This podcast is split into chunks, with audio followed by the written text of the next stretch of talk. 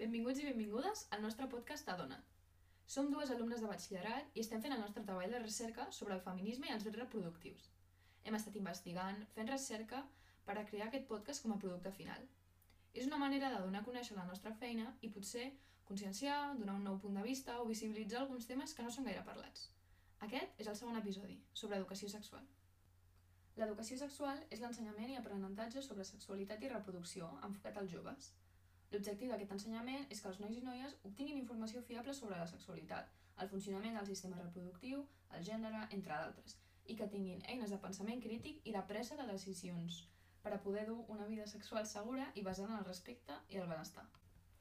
Nosaltres creiem que els joves reben informació confusa, falsa, on directament no reben cap tipus d'informació.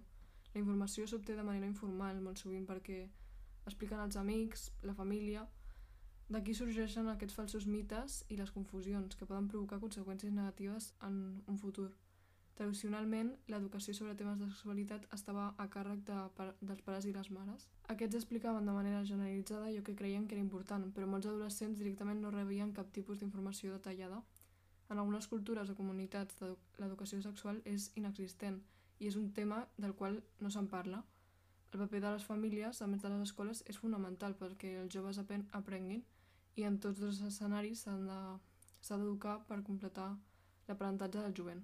Un dels arguments comuns per justificar aquesta falta d'ensenyament és que encoratjarà els joves a tenir relacions sexuals, resultant en embarassos no desitjats o malalties.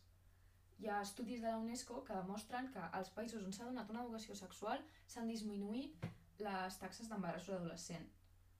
De fet, l'educació que es basava únicament en l'abstinència com a mètode anticonceptiu mostrava pitjors resultats a l'hora de disminuir aquestes taxes d'embaràs adolescent. A més, les classes escolars que incloïen la igualtat de gènere, de gènere en el temari mostraven menys comportaments masclistes per part de l'alumnat, comparat amb les classes on no s'educava sobre igualtat de gènere. Podem classificar l'educació sexual en diferents corrents. La primera corrent és la moralista o religiosa, la qual dona valor a l'abstinència i al matrimoni entre home i dona. A la religió cristiana, a més, eh, es considera la sexualitat com un pecat o eh, també es relaciona amb la perversió. En segon lloc, eh, la segona corrent és la corrent biologista, que se centra en l'àmbit més científic i eh, veu la sexualitat com un concepte evolutiu. En tercer lloc, la tercera corrent seria l'enfocament patològic, que aborda la sexualitat com negativament i proposa la prevenció d'aquesta, és a dir, es centra en mostrar els riscos i com prevenir-los. Finalment, la quarta i última corrent es centra en la forma d'educar centrada en els drets i la integració, que es basa en el positivisme i la confiança, a més d'educar sobre la identitat i la sexualitat. També volíem parlar sobre els nivells i qualitat d'educació sexual a diferents llocs del món, perquè cada lloc és diferent i hi ha nivells molt variats. A Àfrica, L'educació sexual està centrada a parar l'epidèmia de la sida i s'ha demostrat una baixada dels casos de sida en les comunitats on s'ha donat aquesta educació. A l'Àsia, la qualitat de l'educació és molt divergent depenent del país. Per exemple, a Tailàndia s'ha millorat el contingut que s'ensenya a les escoles, però a l'Índia encara hi ha una manca en educació general, tot i l'esforç de moltes eh, organitzacions. A països com Bangladesh, Myanmar o Pakistan no existeix cap programa d'educació sexual per als joves. A Europa, l'educació sexual està molt extesa i inclou temes com igualtat, rols de gènere, sexualitat, consentiment, violència de gènere... També volem destacar el cas de Polònia, on l'Església Catòlica té molta influència i això afecta a l'educació sexual perquè no permeten promoure aquest contingut. A més, a Amèrica, concretament als Estats Units, l'educació depèn de l'Estat. Hi ha estats que se centren en ensenyar l'abstinència com a única opció anticonceptiva i altres que parlen sobre aquests anticonceptius. Estats Units és el país occidental amb major nombre d'embarassos adolescents. Com ja he dit que eh, molts dels seus estats es centren en l'abstinència, els joves es troben en situacions d'embarassos no desitjats i mal o malalties de transmissió sexual. Els partidaris d'aquesta educació centrada en l'abstinència argumenten que és immoral ensenyar sobre la sexualitat i que encoratjarà els joves a tenir relacions sexuals, tot i que les evidències mostren el contrari. A més a més, eh, a Oceania, l'educació sexual forma part del contingut ensenyat a les escoles i s'inclou ensenyament sobre relacions personals i emocions. La comunitat LGTBIQ+, es troba discriminada i desavantatjada, també a l'hora de rebre educació sexual i assistència sanitària. Encara hi ha discussions i opinions diverses sobre si s'hauria d'incloure educació sobre la comunitat de LGTBIQ+. Alguns arguments en contra d'incloure aquesta educació són que pot ofendre certes religions, o inapropiat, o que és una manera de forçar una agenda política o una orientació sexual determinada a l'alumnat. Alguns arguments a favor són que és una manera de donar visibilitat i representació al col·lectiu, tant per les persones que en formen part com les, la resta de la població. L'alumnat que forma part de la comunitat es veu representat i aprèn sobre el seu propi col·lectiu.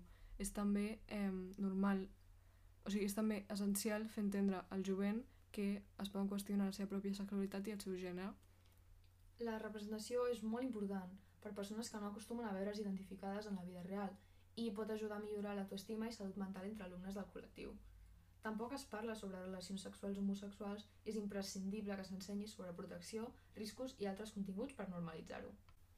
També és important parlar de violència de gènere i violència sexual, educar els joves i assenyalar quines conductes són inapropiades, tòxiques o violentes, i això també contribueix a reduir el nombre potencial de persones que cometrien un crim d'aquest tipus i, com a conseqüència, el nombre de víctimes. A més, el rol de gènere i estereotips o comentaris i actituds masclistes poden passar desapercebudes per a molts, així que des de l'escola es podria treballar per conscienciar els alumnes de les seves accions. Ara volíem parlar una mica sobre la nostra opinió personal i sobre l'educació sexual que hem rebut durant tota la nostra vida escolar. Eh, nosaltres vam aprendre sobre la reproducció humana, el cicle menstrual, les relacions sexuals, l'embaràs... En altres cursos, quan ja érem una mica més grans, vam centrar-nos en l'efectivitat, malalties de transmissió sexual i en la importància del respecte i el consentiment, que jo crec que és molt important. Tot i això, eh, sí que és veritat que hem notat que hi ha hagut una manca d'educació sexual, és a dir, tot i haver-nos ensenyat diversos temes, sempre ha faltat una part de la que no coneixíem. Mm. Per exemple, eh, el que dèiem del col·lectiu LGTBIQ+, Sí. que no s'ha ensenyat mai aquesta educació. Sí, mai vam aprendre sobre relacions entre persones LGTBIQ+, o la seva salut, i jo crec que és un coneixement molt important i molt necessari perquè hi ha moltíssimes persones del curs i de, i de l'escola que necessiten aquesta informació. I això també va relacionat amb el gènere i, el, i la... Bueno, amb el gènere. Sí, la, i la, la, I la identitat de gènere. sexual. A més, jo crec que això és important per lluitar contra l'homofòbia i aquestes eh, mites i estereotips i, i, i rols que es, es creen a, a En la societat Sí, en base a l'educació, a l'educació Mhm. que es tenia abans. i per normalitzar-ho. O sigui, no, no s'hauria de tractar com un tema tabú ni la sexualitat ni, ni cap d'aquests temes perquè Clar. és una cosa normal i s'ha d'integrar uh, en la vida. Bé, fins aquí el segon capítol del podcast sobre educació sexual. Esperem que us hagi agradat i interessat i ens veiem en el pròxim capítol.